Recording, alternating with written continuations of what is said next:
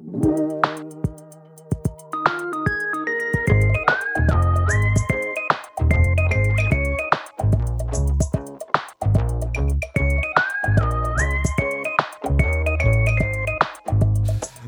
och välkomna till det här fjärde avsnittet av Byggnadsvårdspodden. Jag som pratar heter Josefina Fogelin och jag sitter här som vanligt tillsammans med, med Svante Helmbäck Tirén och Anton Björklund. Hallå, hallå. Hej! Hej. Eh, hörni, sen senaste programmet så har det hänt en hel del. Bland annat har det hunnit bli vår. Det var december senast vi sågs, väldigt deppigt. Och nu är det lite mer säsong för utomhusbyggnadsvård. Mm. Skönt. Yippee. Ja, eller hur? Det Det är jag. efterlängtat. Ja. Ja, men visst är det. Jag har börjat måla vårt, eh, vårt eh, lerbadrum. Det är en eh, utbyggnad, röd med slamfärg. Jag kanske var lite tidig på den bollen. Men jag gick... Eh, ja, men det var lite så här, gräns för minusgrader. Ja, okej. Men förra gången så träffade ju vi eh, Ludvig Tigerhjelm. Exakt. Eh, som gav tipset att så länge det inte är minusgrader så går det bra att måla med slamfärg. Så det gjorde jag. Bra. Ja. Du är redan igång. Ja, det är jag. Är ni? Ja, men nästan. Jag ska börja måla nästa gång jag åker upp till min gård. Så att nu är det äntligen, och den är ju Jämtland, så där får man vänta ännu lite längre innan det är dags att måla. Men eh, nu så har värmen kommit. Ja, nej, men det är samma här. Jag har gjort en del jobb redan. Och mer är planerade, Härligt. om jag känner Ja, jag gissar det. va. Och en annan grej som har hänt sen sist är att jag har fått tvillingar. Eh, och en av dem är faktiskt med här i studion idag. Så om du hör någon som smackar eller grymtar så är det inte någon av oss som smygäter en salamimacka utan det är Ture som ligger och vevar här. Eh, men Anton, vad är det vi ska prata om i det här programmet? Ekonomi, Ekonomi. det stora ämnet. Mm. Trätoämnet kanske i vissa fall. Mm. Men eh, ack så viktigt. Hur man ska tänka och vad är, vad är det man ska lägga krutet på? Vad kan man spara in? Det är ju rätt så mycket olika frågeställningar man kan ha om det här ämnet, tänker jag. Ja, ekonomi är ju stort och omdiskuterat också för att alla har ju så olika behov och olika uppfattningar. Så det kan ju vara bra att föra ut lite kunskap kanske kring det här med ekonomi och kanske också förtydliga lite vad är det för frågor man kanske behöver ställa till sig själv för att Mm. få koll på det här med ekonomi. Ja, Och så får vi en gäst här också. Ja, och det är ju Stefan Fickler som är verksamhetsledare då på Byggnadsvårdsföreningen. Och han är ju ett namn som många känner igen, inte minst från radioprogrammet, eller hur, med Ulla Skog. Husesyn med Ulla Skogen, precis. Precis, och de avsnitten ligger ju kvar, så de kan man ju lyssna på. Men Stefan har eh, tackat ja till att komma hit och prata lite om just det här ämnet med ekonomi som är snårigt, stort och viktigt, får man ju säga. Mm. Jag upplever lite grann som att det finns som två läger inom byggnadsvården. Det är ett läger som köper det här, ja, men det dyraste dyra, handsmidda spikar styckesvis, handhyvlade golvlister och textilsladdar till den här nydragna jättedyra elen eh, och alltihop från dyraste byggnadsvårdsbutiken. Och sen det här andra lägret som, säger de i alla fall, inte spenderar en krona. Mm. Utan det är, det är istället så att de hittar allt material som de använder i någon fasters mosters gamla lada och sen bygger de om det här till det de ska ha och, och sen typ säljer de överskottet från det de har byggt och går med vinst på byggnadsvården istället. Det är som antingen eller. Jag förstår inte riktigt. Ehm, men vilket, eh, vilket läger tillhör ni?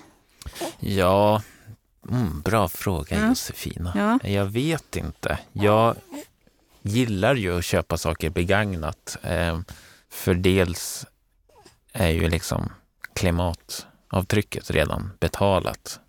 Sen är det oftast det är oftast hög kvalitet på det gamla och Mm. det kanske också har en historia, mm, patina och så vidare.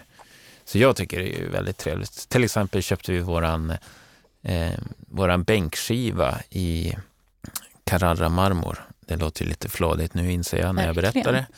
Eh, men vi köpte den begagnat och den Mm. kom från ett eh, konditori inne i stan här. Eh, från liksom, ja, sekelskiftet. Så den har ju sina skavanker liksom, men- men ändå liksom en historia. Och sen ja, kostar 3000 spänn liksom, så det var, inga, det var ingen dyr grej. Alltså, det är klart, men, men vad, vad en ny skulle kosta så, Mm. så var det ju inte så mycket liksom. Mm. Så att eh, jag försöker köpa så mycket som möjligt begagnat, men eh, samtidigt så gillar jag ju kvalitet och ibland är man ju nödgad att använda eh, eller köpa, köpa nytt och då, då kan det ju tyvärr bli kostsamt. Vad är det dyraste du har köpt då, i byggnadsvårdsväg? Du behöver inte nämna en summa om du inte vill. Men... Eh, ja, vi har köpt en kakelugn för 25 000 som vi inte ens har satt in än. Den står i garaget. Det är ju rätt så dyrt. Jag vet inte ens om den funkar liksom. det köpte jag lite så spontant, så det var, det var inte så smart egentligen. Eh, för, för vi har, alltså, jag vet inte ens om huset är anpassat för det, ärligt talat. Men ja, vi får se. Det, det var väl, ja, ibland är jag lite så impulsiv. Jag ser saker så bara, nej men det där kanske kan funka. Mm. Och Svante? Um, jag får nog säga att jag tillhör det här snåla lägret. Ja. Um, och det är till och med så att jag oftast inte ens köper saker. Jag har liksom plockat jättefina pärlspontsdörrar från majbrasor och sånt där. Och mm. har, ja, runt i min by till exempel finns det ju hus som har byggts om eller då har man slängt saker. Då har jag liksom fått massa mm. saker. Eh, och ja, jag är också en av de som går runt när det är såna här, ni vet, eh, byggsopor mm. utanför i stan och sånt där. Jag försöker ta vara på saker. Jag har massa listverk och grejer hemma hos mig. Ja. Så, så jag är ganska snål måste jag säga. Samtidigt så är det så att man kan säga att de stora insatserna på min gård, de, de ligger på framtiden. Så att eh, vi får se hur det blir sen när man liksom ska ta tag i den här helheten. Och så. Men hittills är jag nog, jag på säga, en del av jägar-samlarkulturen höll jag på att säga. Det blir nästan så. När man ser en fin dörr ligga där någonstans. Ja. kan man inte låta vara. Känner igen mig i det. Mm. Sen kan jag lägga till också att i, i och med att jag är mycket i Norrland, där är ju förutsättningarna lite annorlunda för där finns det så otroligt många ödehus. Mm. Det eh, finns ju i andra delar av landet också, men där är det liksom särskilt mycket och eh, jag tror att det är lite lättare där också. Och sen finns det ju sådana här uh, fantastiska personer som kanske har någon liten byggåtervinning någonstans och sådär i någon ladugård. Och, mm. eh, så att eh, det handlar både om att uh, hålla ögonen öppna men kanske också att ha lite kontakter faktiskt. Just det.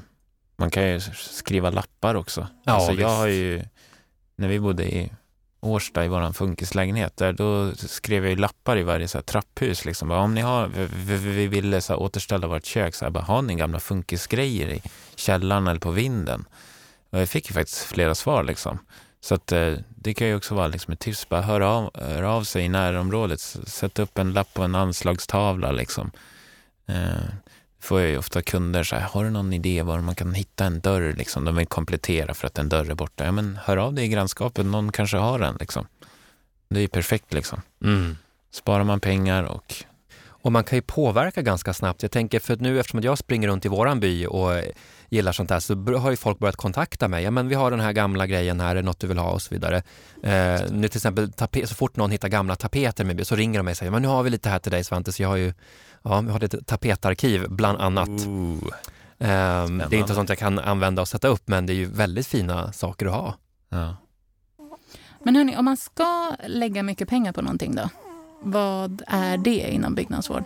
Finns det någonting som liksom inte är värt att snåla på eller att leta begagnat eller där man bara liksom får bita i det sura äpplet? Det här kommer kosta. Alltså först tänker jag faktiskt på goda råd. Mm. Eller hur? Ja. Alltså att faktiskt betala en hantverkare ja. eller en sakkunnig och liksom ändå um, det kan ju ibland kanske framstå som stora kostnader, men i längden så är ju det faktiskt jätteväl mm. investerade pengar. Sen är det klart, det kommer ju alltid ofrånkomligt när vi vet saker som kommer att kosta, men jag tänker att har man investerat i att man vet vägen framåt, då kan man ju känna sig trygg sen när de här stora kostnaderna kommer, för då vet man att man väljer med någon slags kunskapsunderlag, eller hur man ska kalla det mm. på något sätt. Ja, eller vad säger du Anton? Ja, precis. Hmm. Klurig fråga. Nej, men... Eh, kanske säkra elinstallationer är kanske en, en viktig sak. att eh, Det behöver inte vara jättedyrt alla gånger det heller, men att ha bra el med tanke på inte minst brand, eller hur, känns ju som en, en väldigt bra investering. Hörni, en slags eh, byggnadsvårdsprodukt som jag inte tycker att man ska snåla på, det är boken. Och vi tänkte ju försöka oss på eh, några aktuella boktips idag. Vad är det ni har mer för någonting här? Ingen bok om ekonomi kanske, men en bok om Södra Ängby. Mm. Eh, det är ju ett riksintresse har jag nu lärt mig. Och den heter kort och gott Södra, Södra. Ängby, modernism, arkitektur och landskap. Väldigt snygg bok, rent estetiskt mm. kan man ha framme, men också väldigt intressant.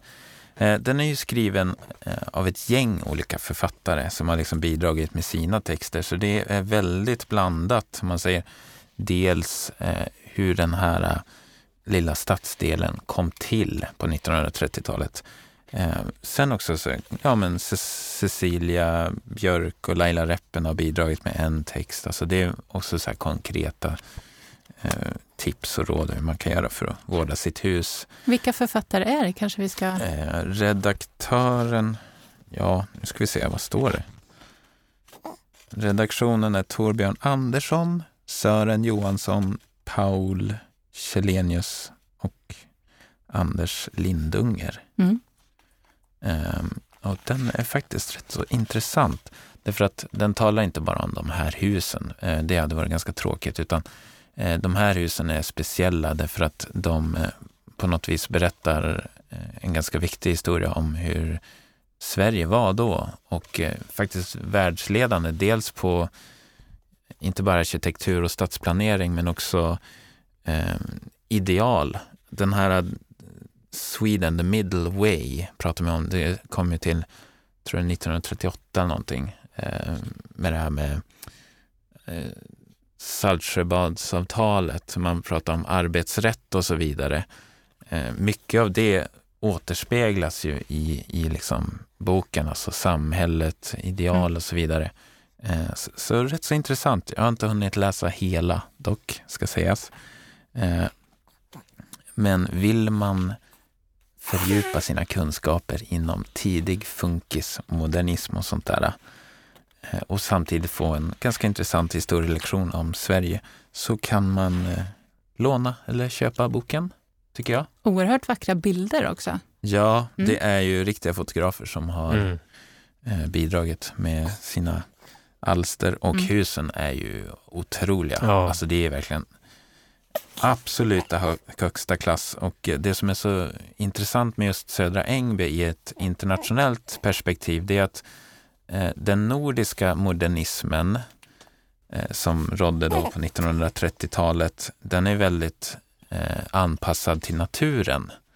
Så det är liksom slingrande vägar, det är mycket kullar och, och utsikter och sånt där och det gör den alltså, väldigt intressant helt enkelt. Jag vet inte hur jag ska förklara det, men och allt det här kom ju från den här eh, Stockholmsmässan 1930. Alltså när, när, det näst, när, när det nästan över en dag ändrades en hel arkitektur från det här 20-talet, Swedish Grace, till nu ska vi göra raka linjer och så vidare. Det är ganska spännande att läsa om. Mm. Så det kan jag rekommendera om man känner för det. Det är en spännande bok också. Jag tänker på, tidigare har ju byggnadsvården varit väldigt fokuserad på liksom lant byggnader, eller hur? Torp och gårdar och stug. Men också städerna, där har vi ju liksom nästa stora byggnadsvårdsrörelse.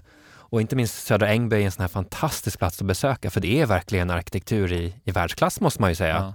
När man tittar. Men den presenteras inte alltid så. Det är en väldigt vardaglig eh, miljö, men otroliga ja. kvaliteter. Ja, det, det är kul att, eh, att den delen också lyfts fram, mm. Eh, tänker jag. Så vi får se. De har ju bildat en förening faktiskt till och med, läste jag också, eh, som har... Och den är väl också bra för att det finns ju många fler Södra Ängby, så att säga, eller många fantastiska bostadsområden som verkligen är värda att uppmärksammas mer. Absolut. Där kan det eh. kanske vara en inspiration, den här boken då, till hur man Ja, jo, men jag tänker det. Alltså ett riksintresse, det finns ju rätt många i Sverige, det mm. gör det ju. Ja, men det var lite om den här mm. boken. Ehm, Svante, vad har du med dig? Jo, jag tänkte ge ett eh, digitalt boktips. Ehm, det är ju så här att eh, nu lever vi i det här tidevarvet när massor av gamla saker skannas in och man kan läsa dem på nätet. Mm. Ehm, och Kungliga biblioteket är ju en av många institutioner som just gör sån här storskalig digitalisering av spännande grejer. Eh, och går man in på Libris, som är alltså Kungliga bibliotekets liksom, ja, hemsida då, eh, med, med olika titlar, då kan man söka på till exempel priskurant eller katalog och vissa årtal så kommer det fram spännande grejer. Eh, men det jag särskilt skulle vilja rekommendera det är ju en verklig klassiker. Och det är en skrift som heter Lantmannabyggnader från mm. 1854 av den berömde Charles Emil Löwensköld. Han var ju en otroligt spännande figur, alltså levde på 1800-talet. Ehm, han var född in i en adlig familj, men eh, de råkade i onåd, kom i dåliga tider, så att eh, han växte upp väldigt kärvt och eh, blev jätteintresserad för det här med lanthushållning, hur man skulle organisera sig för att bekämpa fattigdomen, men också skänka skönhet åt landsbygden. Så han är ju känd för många saker, men inte minst snickarglädje, mönster till verandor och fönsteromfattningar och takdekorer och allt möjligt. Och just den här lantmannabyggnaden, den kan man ladda ner som en hel pdf och det är verkligen en fantastisk upplevelse. För där hittar man på något sätt en av, en av förklaringarna till varför vi fick så mycket snickarglädje på svenska landsbygden. Mm. Så ja, Charles Emil Lövenskjöld, mm. med FV-stavning förstås då på, på Lövenskjöld och till och med SK K-I-Ö-L-D är det, bara för att göra det extra komplicerat. Men Lantmannabyggnaden hittar man ganska snabbt, så det är ett tips verkligen. Och det är både för de här fantastiska bilderna, ritningarna, men också texterna är jättespännande att läsa. Ja. Så ja, det är ett hett tips. Mycket bra. Om man, har, man känner att man vill göra något litet i sommar, typ ett utedass eller ett mm. hönshus, då har man lite inspiration. Med jättemycket lullull på. Precis, det ja. finns i alla skador. Från, från hönshus till herrgårdar mm. finns det i den här. Mm. Kul att det händer saker på den digitala fronten också. Mm. Ja, verkligen. Tillgänglighetsmässigt. Ja, det är ju en, eh, en revolution, ja, verkligen. Det det. Mm. Vad roligt. Eh, hörni, jag, jag har eh, tittat eh, på Erika Åbergs eh, bok om byggnadsvård som kom ut nu eh, under våren. Den heter Byggnadsvård, hur du får tid, råd och kraft att restaurera ditt hem. Eh, och det handlar väl ganska mycket om exakt den situation som jag själv befinner mig i just nu. Jag, jag tycker det är en toppenbok. Eh, den varvar eh, teori med praktik, handfasta råd med eh, lite historia och eh, avsluta varje kapitel med eh, i punktform, så här korta sammanfattningar. Eh, riktigt användbar mm. och läsvänlig. Dessutom den enda byggnadsvårdsbok som jag har satt tänderna i som överhuvudtaget har rört ämnena eh, familjeliv. Mm. Jag tänker att tidigare byggnadsvårdsförfattare har liksom inte riktigt haft anledning kanske att fundera på hur man eh, kombinerar ett familjeliv, ett modernt familjeliv med eh, att byggnadsvårda. Men det, det gör Erika Åberg. Eh, hon diskuterar byggnadsvård och jämställdhet. Hur gör man för att inte hamna i fällan att en bygger och den andra passar barn? Mm. Hon pratar om ekonomiska förutsättningar för... Eh, ja, men, både familjen och huset ska ju må bra. Det är ju en förutsättning. Liksom. Ehm, och hon, hon eh, diskuterar det på väldigt intressanta vis. Så jag tycker mm. den är toppen. Den skulle nog jag behöva läsa tror jag. Ja. Var det något speciellt du tänkte på där? Eller? Nej, jag, jag känner mig lite träffad med det där med jämställdhet. Ja. Det är ofta jag som står och mm. grejar. Men så där är det hos oss också.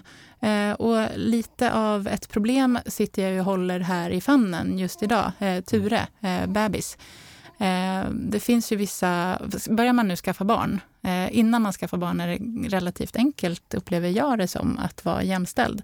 Men när man skaffar barn, då börjar det liksom bli lite svårare. Mm. Ehm, jag, när jag har varit gravid, då mår jag jättedåligt. När jag har varit nyförlöst har jag varit så här ett slut. Eh, plus att man kanske ammar och då blir man liksom fast med bebisen där. Alltså jag gillar ju mina barn, inte så. Men, men man blir ju faktiskt typ fast i sin soffa där man sitter och ammar, om man nu mm. väljer att göra det. Mm. Um, mitt, jag har ett sommarlöfte. Mm. Uh, och det är att jag ska uh, ge mig ut på lite obekväma marker. Jag ska lära mig bygga lite mer, mm. har jag tänkt. Jag har inget så här, eh, projekt än. Kanske du kan föreslå något, Anton? Jag skulle Absolut. behöva ett, ett, eh, ett lagom avgränsat projekt där jag kan liksom eh, få göra lite fel. Alltså att, ja, men ge mig ut på lite, lite ja. gungfly. Liksom. Man skulle kunna tänka sig någon liten koja eller Alltså bara mm. fågelholk eller någonting? alltså jag är ju förbi fågelholkstadiet. okay. Eller kanske jag inte är Förlåt. kan göra väldigt avancerat. Nej, jag skojar. Löwenskiöldsk Nej, men, eh, ja. ja. fågelholk. Kanske några uteleksaker, alltså någon gummibräda eller något Ja, sånt. ja, ja, men vi, vi kan diskutera det. Eh, nej, men för att det blir lätt så att man fastnar i sina roller. Och om en är lite bättre på, den, på någonting än den Mm. andra, då, ja men, ja, man har barn och man behöver spara tid och helt plötsligt så sitter man där i sina roller. Och det är så tråkigt, eller tycker jag i alla fall. Vi, vi är ju verkligen där, eftersom att det är jag som är Mm. hantverkaren blir det ju naturligt, det är jag som gör det. Mm. Och, alltså att, ja, så, så är det tyvärr. Mm. Men Mm. för oss har det ju blivit, ja, det är inget liksom, vi, vi, vi vill bli klara och då är det, det mest logiska är liksom att jag gör det för att det går fortast. Mm. Liksom. Vissa har ju projekt som man gör för att man kanske har det som intresse eller man, man känner att det är okej med att det inte är helt färdigt nu och liksom har det som ett, en, en sak att lära sig på. Mm. Eh, Vi har väl kanske inte det för Mm. det här.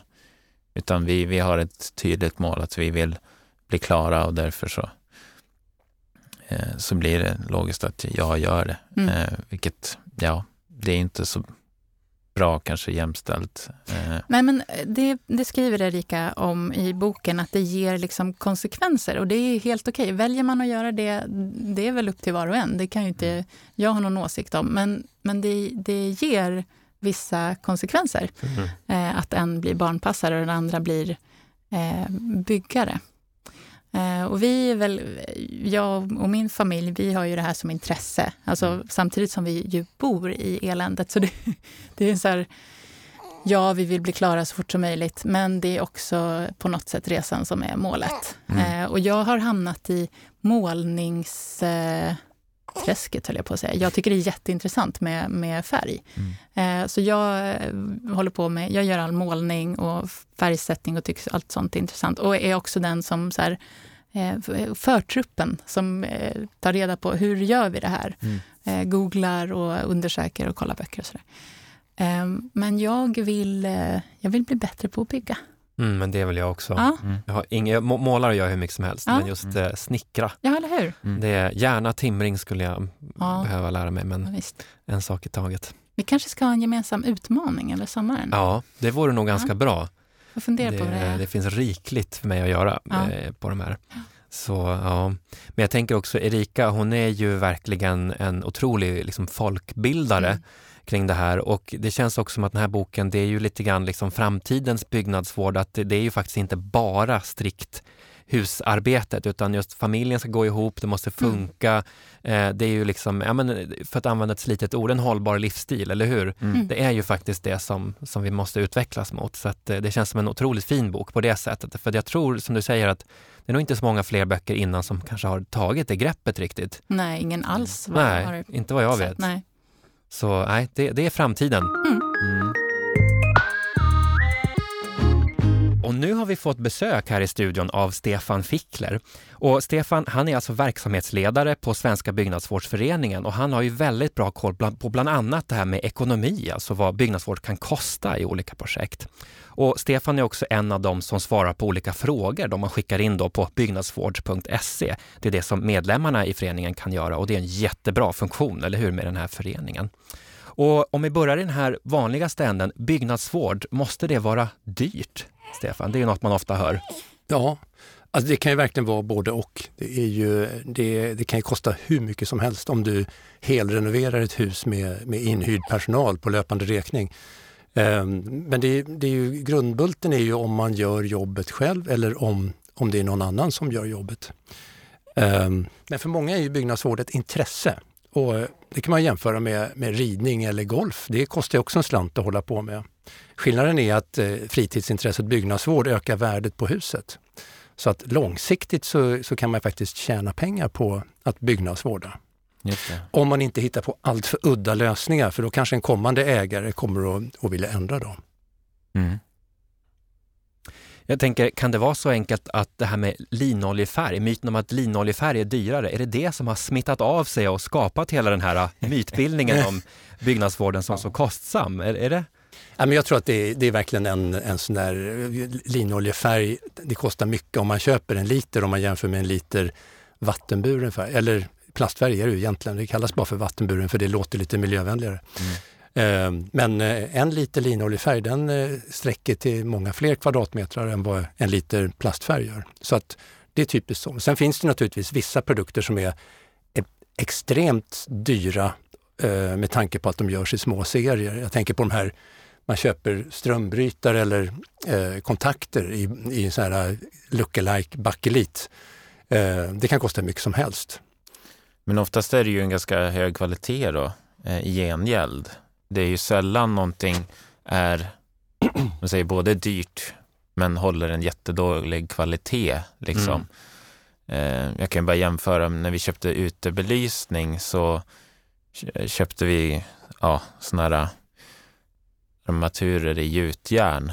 Och visst, de är ju liksom dyra när man köper dem. Men om man ser till hur länge de kan hålla. Man köper sådana här i plåt liksom för 249 kronor på ett snabbköp. Jag menar, det kan ju ta fem år så är de bara att kasta liksom. Mm. Och sen går de inte att reparera. Att... Det tror jag också. Det är ett bra exempel. Men sen finns det också till exempel om du tar en, en, en panel. Du som är snickare. Mm. Eh, jag tänker att eh, de gamla panelerna som sitter på husen, det är ofta jättebra kvalitet. Mm. Eh, de är monterade med kärnsidan utåt, de har mycket andel kärna i virket. Eh, men i och med att man kan måla och underhålla en panel så kanske inte just en panel är absolut där man behöver lägga ner mest pengar. Jag vet inte hur du tänker kring det? Nej, alltså vårat hus det var ju väldigt slitet när vi köpte det då. Det var alldeles grått och det kan inte ha varit målat för 50 år liksom. Eh, så när jag började stå där och skrapa panelen så började väl grannarna fundera lite grann för jag tänkte panelen ska han väl i alla fall byta. Men vad då? den här är ju hur bra som helst, den är frisk. Det såg jag ju nästan direkt liksom. Det är bara att den ser ganska dålig ut. Och så där kan det vara mycket så här, just när det kommer till trä, att det kanske ser grått ut, men det är friskt liksom. Eh, så jag försöker alltid liksom att men behåll så mycket det bara går och sen byt så lite som möjligt. Liksom. För, för sån här panel, om vi skulle ersätta det på ett helt hus, det skulle kosta hur mycket som helst och då, klart, då blir det ju dyrt. Men eh, den här uh, vården, alltså det enkla underhållet, det är ju inte speciellt dyrt. Gå runt med färg och olja, kitt, alltså sådana saker, det är ju billigt och det förlänger ju livet mm. på byggnaden. Om du gör det själv. Ja. För det är egentligen tiden som är den stora ja, kostnaden. Ja, precis. Och det är det ofta liksom, när man pratar byggnadsvård. Det är oftast mycket tid det handlar om. Mm, visst. Mm.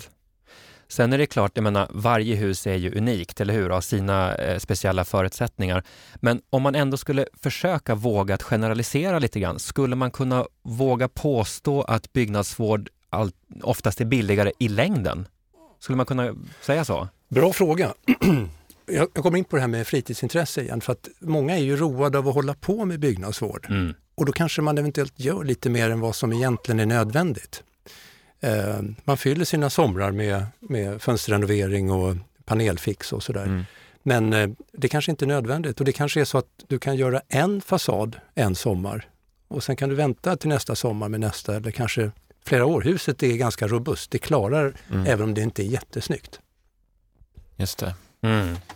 För jag tänker på det här med att man eh, i byggnadsvården kanske ett större fokus på material som går att underhålla, eh, kanske fler saker man kan göra själv som inte kräver liksom, eh, specialistkompetens från ett stort byggvaruhus och sådär.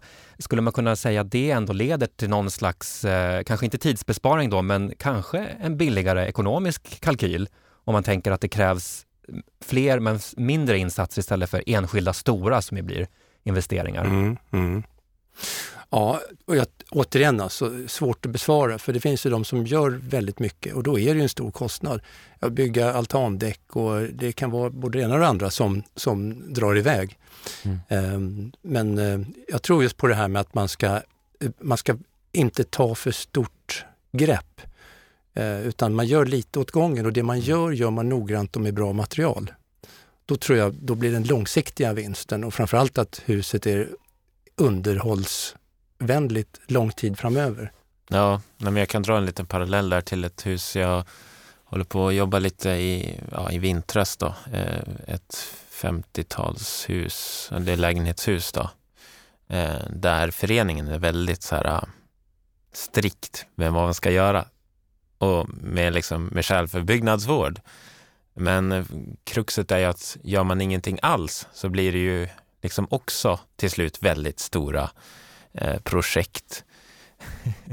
så det är lite ironiskt där. Jag försöker liksom nu säga, ja, men om vi, om vi underhåller de här portarna till, till exempel, vi bara oljar dem eller smörjer upp dem eller vad det nu kan vara, ja men då förlänger vi livet på dem. Eller, eh, som du säger Stefan, där att man hela tiden kanske gör någonting. Det känns förstås lite jobbigt kanske att höra att man aldrig kommer bli klar.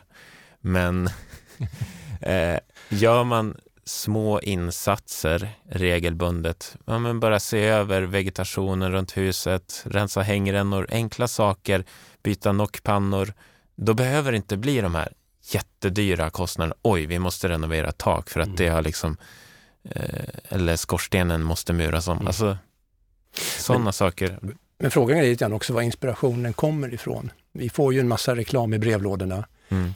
Eh, och vi, vi blir inspirerade av inredningsmagasin och sådär. Och det finns, det finns nu hippt här att bygga de här hörnskafferierna som jag själv just har gjort.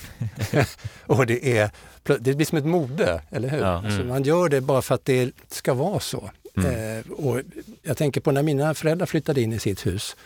Jag tror inte ens de tapetserade om. Mm. De målade inte snickerier, utan de flyttade in och sen så bytte de spisen kanske och sådana här regelbundna grejer som måste bytas. Men de gjorde inte de här stora sakerna. Det Nej. var på, på 60-talet. Mm. Så det, är ju, det är fantastiskt alltså. Nu är man ju liksom, sätt din egen prägel. Det är liksom det första ja. man hör i sådana ja. annonser. Och jag bara, Åh, det är helt galen liksom. Varför, varför kan man inte, ja men på något vis mm. acceptera att ja men det, finns, mm. det är klart, man kan sätta sin prägel på andra sätt mm. än att liksom bara riva ut köket eller vad det nu kan vara, liksom det första man ska göra. Men upplever du Stefan, jag tänker på Byggnadsvårdsföreningen har en otroligt bred verksamhet med läger och föreläsningar och aktiviteter och inte visst vår, vår fina tidskrift också. Eh, men Ehm, i och med att vi just nu befinner oss i ett det här skedet där byggnadsvården och hela hållbarhetstänket liksom smälter ihop. Har den här kritiken eller anklagandet mot byggnadsvård som onödigt dyrt och krångligt, håller den på att avta tror du? Eller hur, hur upplever du det liksom, när du till föreningen? Jag önskar att jag kunde svara enkelt på det här men jag tror att det är många som tycker att byggnadsvård är lite elitistiskt. Liksom. Man ska gå i speciella butiker och köpa de rätta beslagen. Och, mm. eh, det har blivit som en liten statusmarkör på något vis. Mm. Eh, men sen finns det naturligtvis även de som, som ser till det här med hållbarhet. Eh, hur, de tänker inte bara på när de om ni går till byggvaruhandeln och ska köpa isoleringsmaterial, då är det ganska enkelt att köpa det billigaste. Eh, och det är ofta mineralull eller glasull. Mm. Eh, och, och, så tänker man bara på den egna plånboken. Eh, men tänker man kanske mer på vad det kostar för miljön så är det ju jättemycket dyrare med mineralull som kostar en herrans massa koldioxid att tillverka. Mm. Eller cellplast för den delen. Jämfört med till exempel hampa som binder koldioxid. Precis i motsatsen. Det är otroligt mycket mer hållbart. Ja, och det om något borde man ju lägga pengarna på, inte ett nytt kök. Nej, eller... men så tänker jag nog också lite grann. Men sen är det så att när man köper ett hus så vill man förändra och man kanske, om man är klok, börjar med de sakerna som är viktigast. Till exempel att se till så att taket är tätt, ja. att eh, vattenavrinningen funkar, att det inte rinner in mot huset. Eh, man tätar för att det inte ska ha några, några luft, alltså det ska inte blåsa in i konstruktionen. Alltså man, när jag säger täta så menar jag alltså inte att vi ska ha täta hus. Inte fogskum? Och Nej, inte fogskum silikon. och, och silikonlister och sådär, utan eh, vindtäta. Ja. Alltså, det, det, är en viktig skillnad. Mm. Eh, jag, jag, tänker bara på det här också, att, eh, var inspirationen kommer ifrån. Vi har ju det här, eh, det kommer i brevlådorna information om att nu är det dags att byta taket. Mm. Eh, och det är ju ofta många som tänker att titta på sitt tak och det är lite mossa och alger på det och sådär, så tänker man, jaha, nu är det dags att byta taket. Men det är det ju inte. Det är nästan aldrig dags att byta taket om man inte själv har, har identifierat en skada. Mm. Ehm, så där tror jag också att man kan spara genom att inte dras med i sådana här, eller man, byta fönster i en sån här klassiker. Det, det, är, mm. det är varken lönsamt för privatekonomin eller för miljön. Och dessutom fördelen när man renoverar fönster, det är ju att du kan ju ta och renovera de som är sämst. Eh, och sen kan man kanske, räcker det kanske med att, att måla och kitta de, de andra fönstren. Och det behöver man inte göra samma år. Det kan man sprida ut över längre tid. Mm. Och då har jag faktiskt ett litet tips. Och det är att man ska se till så man har det trevligt. Alltså ordna med en, en schysst liten verkstadsbänk, bra belysning, gott kaffe, nej men ni vet allt det här som, som gör att det blir kul och lustfyllt Mm. att hålla på. Mm. För att eh, det, är, det är nästan som terapi att hålla på med byggnadsvård. Det Ja, det precis. Mm. Börjar det kännas som ett krav, ja men då kanske det inte... Det blir jobbigt Ja. och att man tar på för stort projekt. Man säger Ja. i sommar ska vi Mm. göra det och det. Och, och så har man en familj och vänner och sånt där som, får, som man inte hinner med riktigt. Nej. Men när man träffar sådana här äh, fastighetsägare som har liksom fastnat i det här med att ja, men byggnadsvård det, det är för dyrt och det är orealistiskt. Hur får man till det goda samtalet, Stefan? Vad, vad kan man liksom ställa för frågor eller argument som gör att de kanske kan tänka om lite grann? Mm. Och nu tänker jag på, när du säger fastighetsägare, så tänker jag på lite större fastigheter ofta, alltså flerbostadshus. Ehm, och där tror jag att eh, där gäller just att få igång det goda samtalet, om det är en bostadsrättsförening eller en, en hyresvärd, att man, att man börjar argumentera. För det finns massor med argument för att gå varsamt fram. Mm. Det gäller bara att, jag tror att den byggsektorn är väldigt inställd, de, har, de är inställd på nyproduktion, det är det de kan. Egentligen kan man säga att de här stora byggbolagen vi har, de kan inte arbeta med byggnadsvård. Nej. För de använder nyproduktionsmetoder och då Mm. blir det jättedyrt. Eh, och där tror jag att man måste tänka om lite grann. Man ska ägna lite mer tid till förarbetet och göra en förundersökning så man ser vilka kvaliteter som finns och som kan bevaras och vilka brister som måste Mm. åtgärdas. Nej, men det, det, är- det är ju ganska slående liksom när man tittar på renoveringsraseriet till exempel. Det är ju Mhm. otroligt många föreningar som landar i att nej men det är för dyrt för att renovera fönstren. Mm. Vi måste liksom byta ut dem. Mm. För det är väl samma för dig Anton, med, med kunder, du måste förhandla också om, om det här. Vad, vad brukar du använda för argument så att säga, eh, just när det kommer till kostnadsfrågan till exempel? Ja, nej men eh, alltså oftast är det ju liksom en, en det blir ju en mellanskillnad såklart. För att välja liksom ett lågbudgetalternativ mot ett lite mer omsorgsarbetat. Men det behöver inte bli det. Men, men det kan oftast leda till det. Om vi till exempel jämför olika isoleringsmaterial. Ja, men då är ju linisolering och hampa och sånt där, det är ju kanske tre gånger så dyrt. Så vid inköpet är det ju förstås eh, dyrare Ja. vid tillfället liksom. Men eh, långsiktigt så blir det ju my- mycket bättre. Mm. Alltså, och det är det jag försöker övertala mina kunder. Så jag gör själv också. Jag, jag tänker bara, om jag ska smälla upp ett staket här nu, det är otroligt frestande att bara köpa något så här prefabricerat. Liksom. Men jag känner bara, jag kommer inte ha tid och lust att göra om det här om tio år. Då är det bättre att vi avvaktar lite tills vi eh, har ekonomi nu och göra det ordentligt eller vad det nu kan vara. Eh, Ja, och håller med. avvakta lite. Mm. Och jag tänker på det här du sa om, om eh, eh,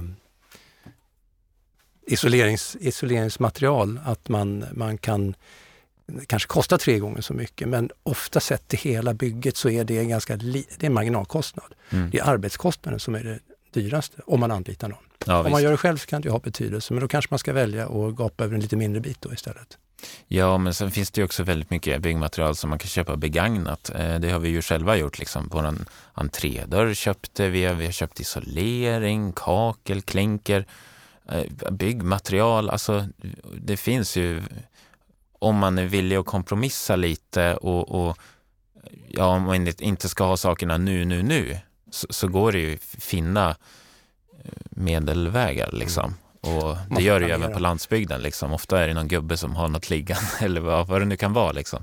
Jag kan säga då bara som, jag, jag, mitt skafferi då som jag...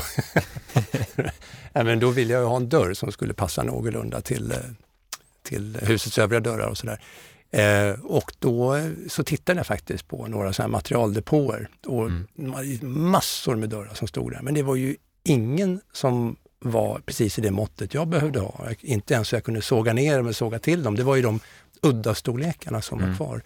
Och det där är ju liksom en stor utmaning när vi ska jobba resurssnålt efter eh, så som man har tänkt sig med EUs avfallsregler och sådär, att vi ska återanvända i första Mm. hand. Det är ju att ha de här stora materialbankerna. Mm. Det krävs ju enorma ytor för att, att Mm.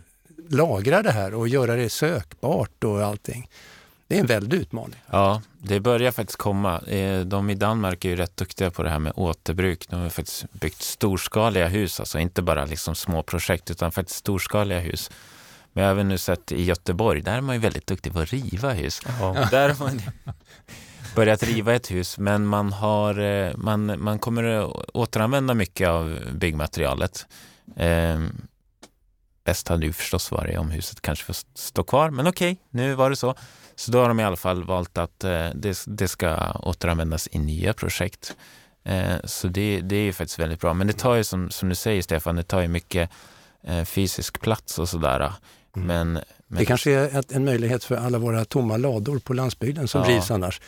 Man kan lagra material. Nej, men jag tänker på det här med, det är en sorts greenwash också, att företaget säger att ja, men vi, vi säljer fönstren vidare. Mm. Vi har ett aktuellt exempel på på föreningens gula lista, Veta skola i Mjölby som har fantastiska, alltså omvittnat bra kvalitet mm. på gamla fönster från mm. tidigt 1900-tal, någonstans där. Eh, som man då liksom klåfingrigt måste jag säga, absolut vill byta. Och ja. det finns, om man går in i det här så finns det väldigt dåliga argument för att byta det. Man pratar ljudisolering, man mm. pratar brandskydd och sådana här saker. Allt detta går ju att lösa ja, i ett gammalt fönster. Ja.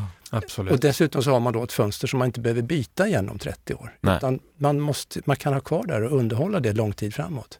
Så att det här är så vanligt och ja. misstanken är att anledningen till att de här projekten ändå drivs igenom, det finns två förklaringar för mig. Det ena är prestige. Mm. Att man inte liksom kan säga okej, okay, jag hade fel. Mm. Utan man driver igenom sitt projekt bara för att man har ett tjockt pannben. Det är det ena. Eh, och det andra är att det finns liksom ekonomiska skäl. Eh, ibland så säger man att ja men det vore bra att bevara de här fönstren men nu har vi redan köpt nya. Mm. Ja. Eller så är det någon ordförande i någon bostadsrättsförening som eh, mm. får en ny carport eller någonting. Ja. Ja, ni vet, det här är ju... Mm. Det är, det är svårt. Jag tänkte på de frågor som kommer in till föreningen. Det är väl allt mellan himmel och jord kan jag tänka mig. Men är det mycket som handlar just om ekonomi och kostnader sådär? Ser du några sådana?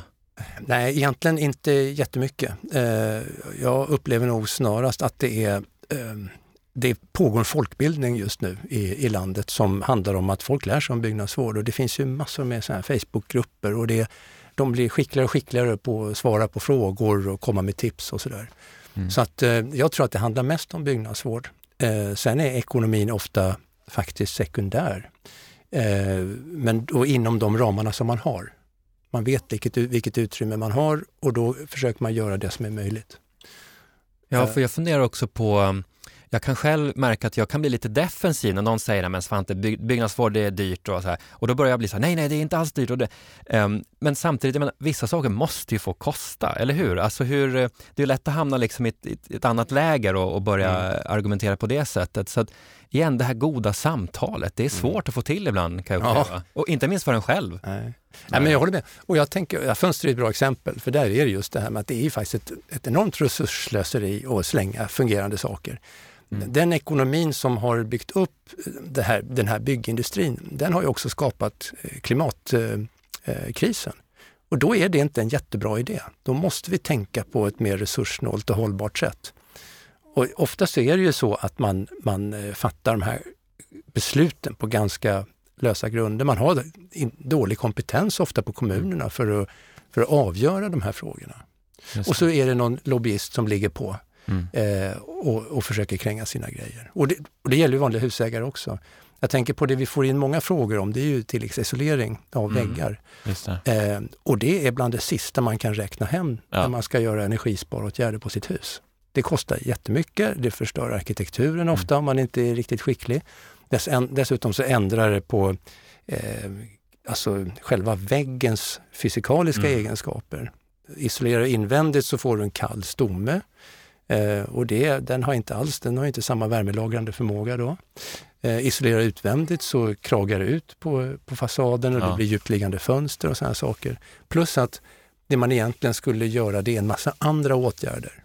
Och det kan handla om att eh, ändra våra vanor. Man kanske inte ska duscha en kvart. Eh, man kanske eh, köpa ledlampor och snålspolande munstycken och se över värmesystemet, justera mm. ventiler, radiatorer, eh, vindtäta fönstren, alltså sätta någon sån här Ja. yllelist eller linlist i fönstren så att det inte blåser in. Har man möjlighet, när man jobbar med panelen, så ska man sätta en ny eh, vindduk eller vindpapp under panelen så att man blåst är nämligen en av de sakerna som kyler av huskonstruktionen mest.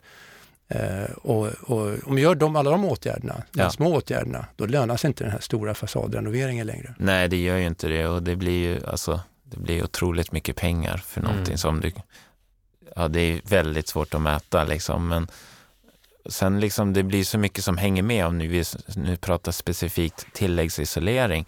Det är om du har jättetjocka väggar, då måste ju fönstren också vara bra. Ja, då blir det nya fönster.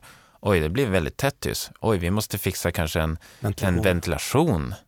Och sen helt plötsligt, alltså det, det blir ett helt nytt hus och då Mm. blir det så här, du lägger ner en miljon och sen sparar du 3000 kronor Mm. i uppvärmningskostnad varje år. Och sen, efter, och sen efter 30 år så måste du byta de här komponenterna, eller fem, 50 år, vad kan det dröja?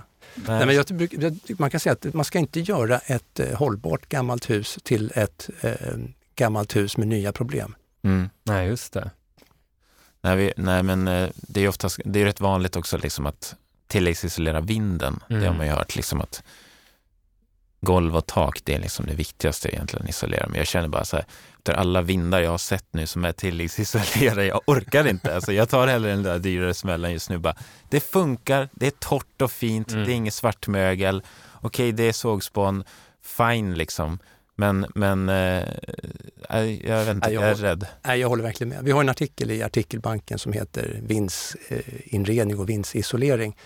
Eh, och där bland annat Johan Mattsson som är mykolog från Norge, en duktig kille, han eh, beskriver då olika problem som, som kan uppstå med fukt och mögel. För man vill liksom isolera ända ut mot väggar, upp i taknock och sådär. Och då har man ingen möjlighet att inspektera det här längre. Då ser man inte om det är någonting som dyker upp förrän det har gått ganska långt.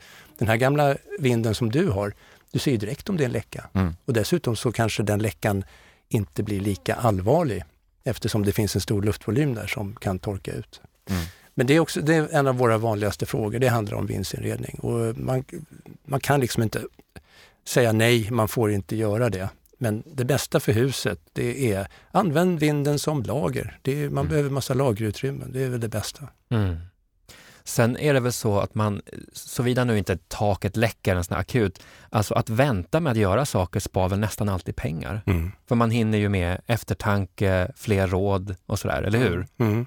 Så det här med att, att vänta, det är också, det är inte bara bra estetiskt så, utan det är ju verkligen Nej. också bra för... Men jag tror att man, gör, man skyndar kanske för att det är andra som säger att man ska skynda. Det, det kommer någon och vanliga, vanliga problem, alltså man kan säga dyra saker på huset, det är ju det är takbyten, det är ja, det som vi pratade om förut, tilläggsisoleringar, det är om det är någonting med grunden.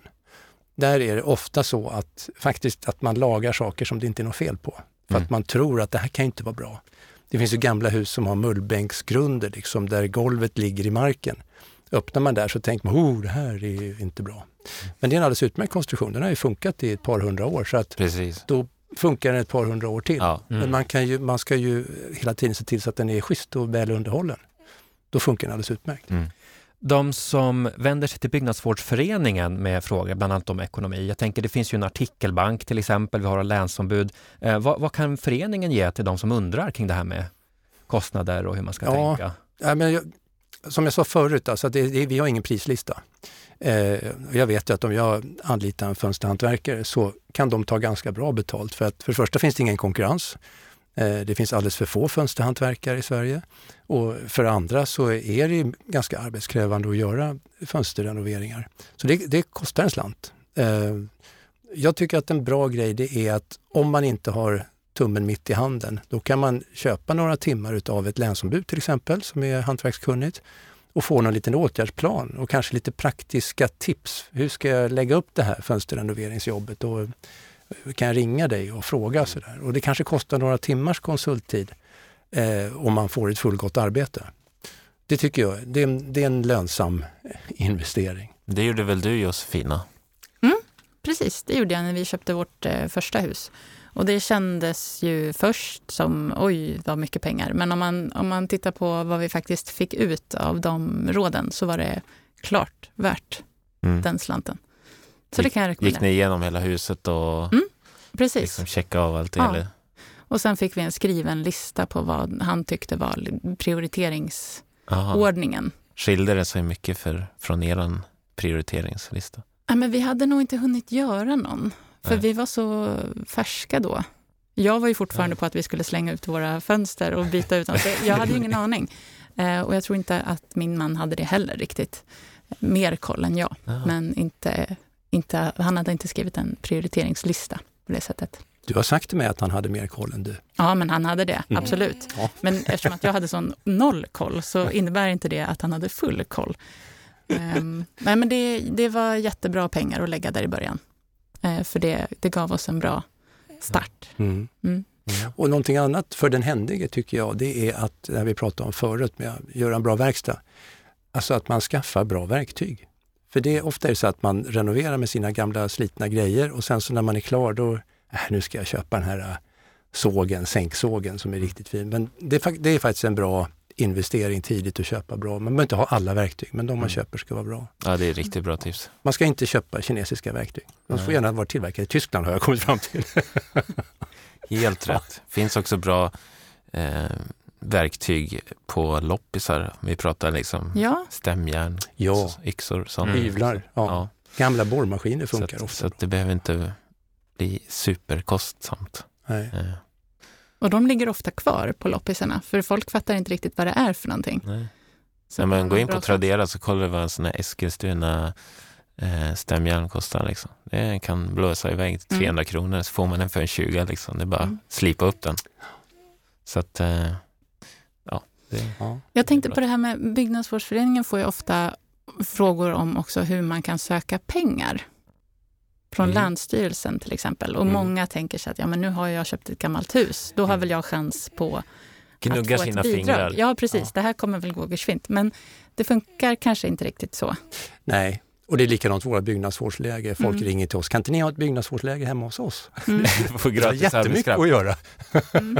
Ja, nej, men det är ju inte riktigt så. Men det finns ju eh, lite medel från länsstyrelserna som man kan söka om. Framförallt om man har då, eh, något hus som är kulturhistoriskt värdefullt, som är kanske till och med är utmärkt på någon detaljplan eller byggnadsminne eller någonting. Då finns det chanser att man kan få hjälp. Men då är det ofta så att man får hjälp med överkostnaden, det vill säga skillnaden på vad det skulle kosta att göra standardmässigt och hur mycket det kostar att göra det på eh, kulturhistoriskt korrekt sätt. Mhm. Så det blir inte jättemassa pengar. Ehm, nej, det finns, inte, det finns faktiskt inte ehm, fonder och såna här saker i nuläget som man kan få hjälp med. Nej. Ja, och det, det är intressant, va? för en del Ja. kan ju tycka att byggnadsvård, eftersom det handlar om lite kultur och sådär, det ska vara gratis. Informationen ska vara gratis. Och, och, men så är det verkligen inte. Det är precis som allt annat i samhället, att man får betala för, för vad det är för någonting. Just det. Och vi kanske borde bli lite bättre på också att eh, eh, markera att det faktiskt är värt det, eller hur? Alltså Mm. att vi, vi behöver inte ursäkta oss för det som kostar pengar, därför Nej. att det här handlar ju faktiskt om investeringar som långsiktigt leder till någonting som är bra för alla Mm. på något sätt. Ja, men det är en annan aspekt också, att det faktiskt är gamla hus är utrotningshotade. Precis som, som eh, fridlysta blommor eller vad som helst. Är de borta så finns de inte längre. Och, och ju mer vi bygger, bygger, förvanskar och river gamla hus, det, de går inte att ersätta. Nej. Nej, det skulle kosta hur mycket som helst. Ja, jag vet du inte får- ens om vi har kunskapen. Nej, i alla lägen har vi inte det. Och sen så är det ju också det här med autenticitet. Att vi, vi, eh, tänker man på antika möbler så är det oerhört viktigt att det är rätt material och Mm. rätt ytbehandling och sådär. Eh, och det försvinner ju om man skulle riva och bygga en kopia. Det finns ju vissa som gör det, som också har varit på gula listan, som Mm. eh, river ett hus och så bygger de ett nytt som ser exakt likadant ut, tror de. Ja, just det. Eh, för att de då ska, de tror att det bara handlar om yta. Mm. Men eh, byggnadsvård handlar verkligen inte bara om yta utan det handlar om historia, material, minnen, hantverk. Just. Ja, nej, men om man ser i det kulturhistoriska värdet. Eh, det går inte att köpa en Bugatti från 20-talet och kasta ut ratten liksom, eller originalinredningen. Liksom. Nej. Värdet sitter ju i att det är helt komplett. Liksom. Och så kanske man... Ja, men jag tror det börjar upp, uppmärksammas mer också. Ja. Om man tittar på mäklarannonser idag Mm. så, är, så värderas ju hus som har bevarad originalinredning Mm. mycket högre än, än de husen som är hårt förvanskade. Ja, det är otroligt glädjande. Börjar det bli dags för oss att avrunda det här programmet som handlar om ekonomi och pengar. Och nästa gång så är det dags eh, för oss att prata om byggnadsvård och familjeliv. Och det är ju faktiskt också lite grann kopplat till ekonomi. Man är ju ofta två eller fler eh, när man renoverar och restaurerar. Mm. Eh, och hur gör man då för att lägga upp det på, på bästa sätt? Hur fungerar det att renovera med barn eller med brorsan eller någon gammal faster i någon släktgård och sådär? En gammal surfaster. En gammal surfaster, hur fungerar det egentligen? Um, det kommer vi prata om nästa gång. Och hur gör man då om man vill medverka på något sätt i det programmet? Ja, man kan skicka in sin berättelse. Eh, eller man har en fråga. Eh, till vår nya mejladress. Mm. podd byggnadsvard.se. Podd med två D kan man ja, säga. Just det. Bra, yeah. bra att du är tydlig. Mm. Eh, eller så skriver man till oss på Byggnadsvårdsföreningens Instagram så kommer ni hitta oss. Byggnadsvårdsföreningen heter vi där. Mm. Ska bli kul att höra vad ni har att berätta. Det ska det. Tack så mycket för att ni ville lyssna på oss. Du har lyssnat på ett avsnitt av Byggnadsvårdspodden som görs i samarbete med Svenska Byggnadsvårdsföreningen. Du hittar oss på sociala medier och fler avsnitt på www.byggnadsvard.se. Tack